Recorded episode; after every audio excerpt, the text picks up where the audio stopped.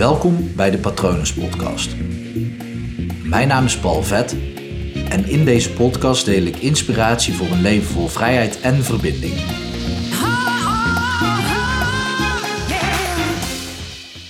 Wanneer je verantwoordelijkheid neemt voor je probleem, is het al voor 80% opgelost. Dat klopt. Eigenlijk kan ik hier een punt zetten, want volgens mij is het al duidelijk genoeg, maar laat ik even een voorbeeld geven. Stel, je zit, net zoals ik nu, in je woonkamer. En in je woonkamer staat een, een stapel met afval. Of zooi, of misschien wel een stapel papieren. Is met, met informatie erop. Dat is misschien nog wel het beste voorbeeld. En die staat ja, wel een beetje aan de zijkant, maar wel vol in het zicht. En je, je woonkamer ziet er super netjes uit, super strak. Kaarsjes branden, eettafel is leeg, staat een mooie plant op. Ehm, ja, gewoon geen zooi, alles is netjes. Je hebt net schoongemaakt. En het enige wat er nog staat is een stapel papieren. En dan niet zo'n stapel papieren die gewoon net uit de printer komt. Maar zeg de post van het afgelopen half jaar wat je hebt opgestapeld. En er zitten ook nog dichte enveloppes bij. En ehm, stel dat dat je probleem is. Nou, op het moment als je een half jaar uh, je post op een stapel legt en sommige enveloppes niet openmaakt, geloof me, dan ontstaan er best wel wat problemen. Of dingen die je te doen hebt. Of misschien komt er uiteindelijk wel een mannetje aan de deur die in plaats van die stapel brieven uh, iets anders uh, meeneemt. Um, maar die stapel papieren die staat dus de hele tijd in je zicht. En eigenlijk stoor je daar de hele tijd aan. En laat die stapel papieren nou synoniem staan voor, laten we onzekerheid noemen. Dat zijn ook de problemen die ik bedoel. Niet, niet de problemen waar je niks aan kan doen. Niet waar je, uh, de dingen waar je geen invloed op hebt. Um, al is dat een, een, grijs gebied. Daar heb ik het in een andere, andere aflevering nog wel over. Over waar heb je invloed op en waar heb je geen invloed op. Daar zullen vast heel veel mensen het oneens met me zijn. Dat je met over heel veel dingen gewoon uh, invloed kan uitoefenen. Um, die stapel brieven, die staat dus in je woonkamer. En zolang je eigenlijk dat, die stapel brieven negeert, en misschien wel elke keer als er een nieuwe brief binnenkomt, die gewoon op de stapel erbij legt, dan groeit die stapel en die knaagt ook aan je. Want steeds maak je het huis schoon en dan moet je om die stapel met brieven heen schoon gaan maken. Dus ja, ergens in je, in je huis knaagt dat. En jouw probleem, wat je dus hebt, laten we dit dus onzekerheid noemen, zie jouw woonkamer als een representatie van jouw brein, van je hoofd.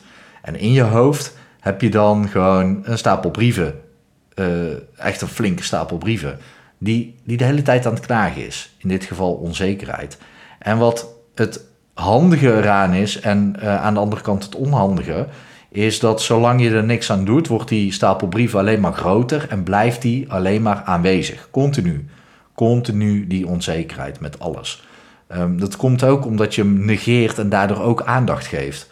Want je kan iets uh, niet passief negeren.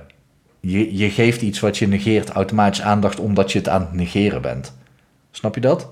Het is een, een negatief omdenken, maar het, ja, zo werkt het wel. Je kan niet onbewust iets negeren. Dat doe je altijd bewust. Het is altijd aanwezig.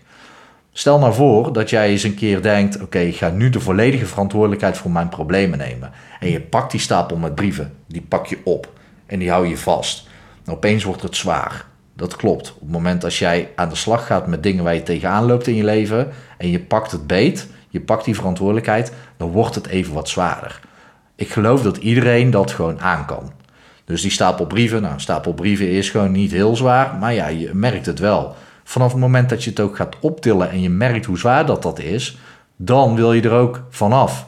Dan ga je in beweging komen om er vanaf te komen. En eigenlijk ben je dan al 80% onderweg om er vanaf te komen. Het enige wat je nog hoeft te vinden is een prullenbak. En dat kan zijn in de, in de vorm van een boek lezen over dat onderwerp, een podcast luisteren, een training volgen, naar een coach, een psycholoog of naar een hypnotherapeut gaan om jou van dat probleem af te helpen. Maar al die dingen die kunnen pas ontstaan als jij aan jezelf toegeeft: oké, ik ben onzeker. Nu wil ik aan jou eens vragen: welk ding loop je tegenaan in je leven? Is dat onzekerheid? Is dat je niet goed genoeg voelen? Is dat um, neerslachtig zijn, laat ik het zo noemen? Ehm, is het het niet voor elkaar krijgen van doelen die je stelt? Is het je ehm, niet goed genoeg voelen of niet precies weten wat je wil? Kan van alles zijn. Maar ik wil aan jou vragen om dat nu eens hardop te zeggen. En ook al zit er iemand naast je, zeg het hardop. Dan kan die je meteen daarbij helpen als die dat gewoon nog niet weet.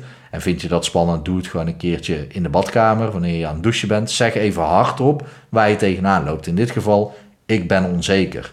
En ik durf te wedden dat als jij keihard tegen jezelf zegt, gewoon in de spiegel, gewoon met volle zekerheid, want blijkbaar ben je er wel zeker van dat je onzeker bent. Dat is al meteen een interessant ding. Ehm, dat je zegt, oké, ik ben onzeker.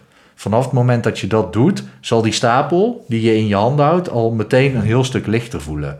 Want dat maakt het gewoon concreet en duidelijk. En dat zorgt ervoor dat je het aan jezelf toegeeft. En dus ook in beweging kan gaan komen om er iets aan te doen. Zolang die stapel brieven gewoon op de vloer blijft liggen, gebeurt er niks mee.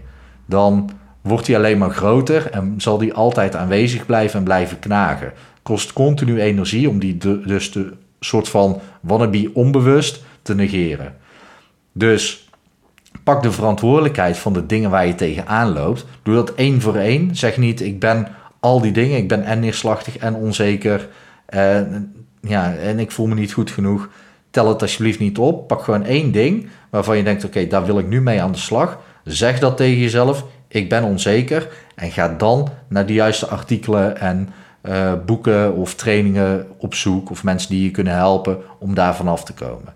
Even één ding nadat je zegt, ik ben onzeker. Ga dan alsjeblieft een stapje verder en zeg dan, ik doe onzeker. Want je bent niet volledig uh, onzeker, want je bent er blijkbaar vrij zeker van dat je onzeker bent. dus dat, dat is al een zekerheid die je hebt. Um, gaat het over neerslachtig? Ja, ben je altijd uh, 24-7 neerslachtig? En als je slaapt, dan zal je er niet mee bezig zijn. Dus dan, dan is dat ook al niet het geval. Dus je kan veel beter zeggen: ik doe onzeker of ik doe neerslachtig. Want dat, kan, dat maakt het ook makkelijker om gewoon iets anders te gaan doen. En ja, dat maakt ook nog eens die 20% die dan er overblijft, wordt dan nog maar 10%. Nou, die 10% daar kan je vast wel hulp bij vinden om het aan te pakken. Ehm, ik hoop dat het een beetje duidelijk is. Zo niet, stel me even vragen. Ik help je er graag bij. Stuur me een mail naar patronen.palvet.com of praat mee via Instagram gewoon onder Palvet. Je mag me altijd een persoonlijk berichtje sturen. Ik hoop dat alles goed met je gaat en ik wens je een mooie dag toe. Hoi!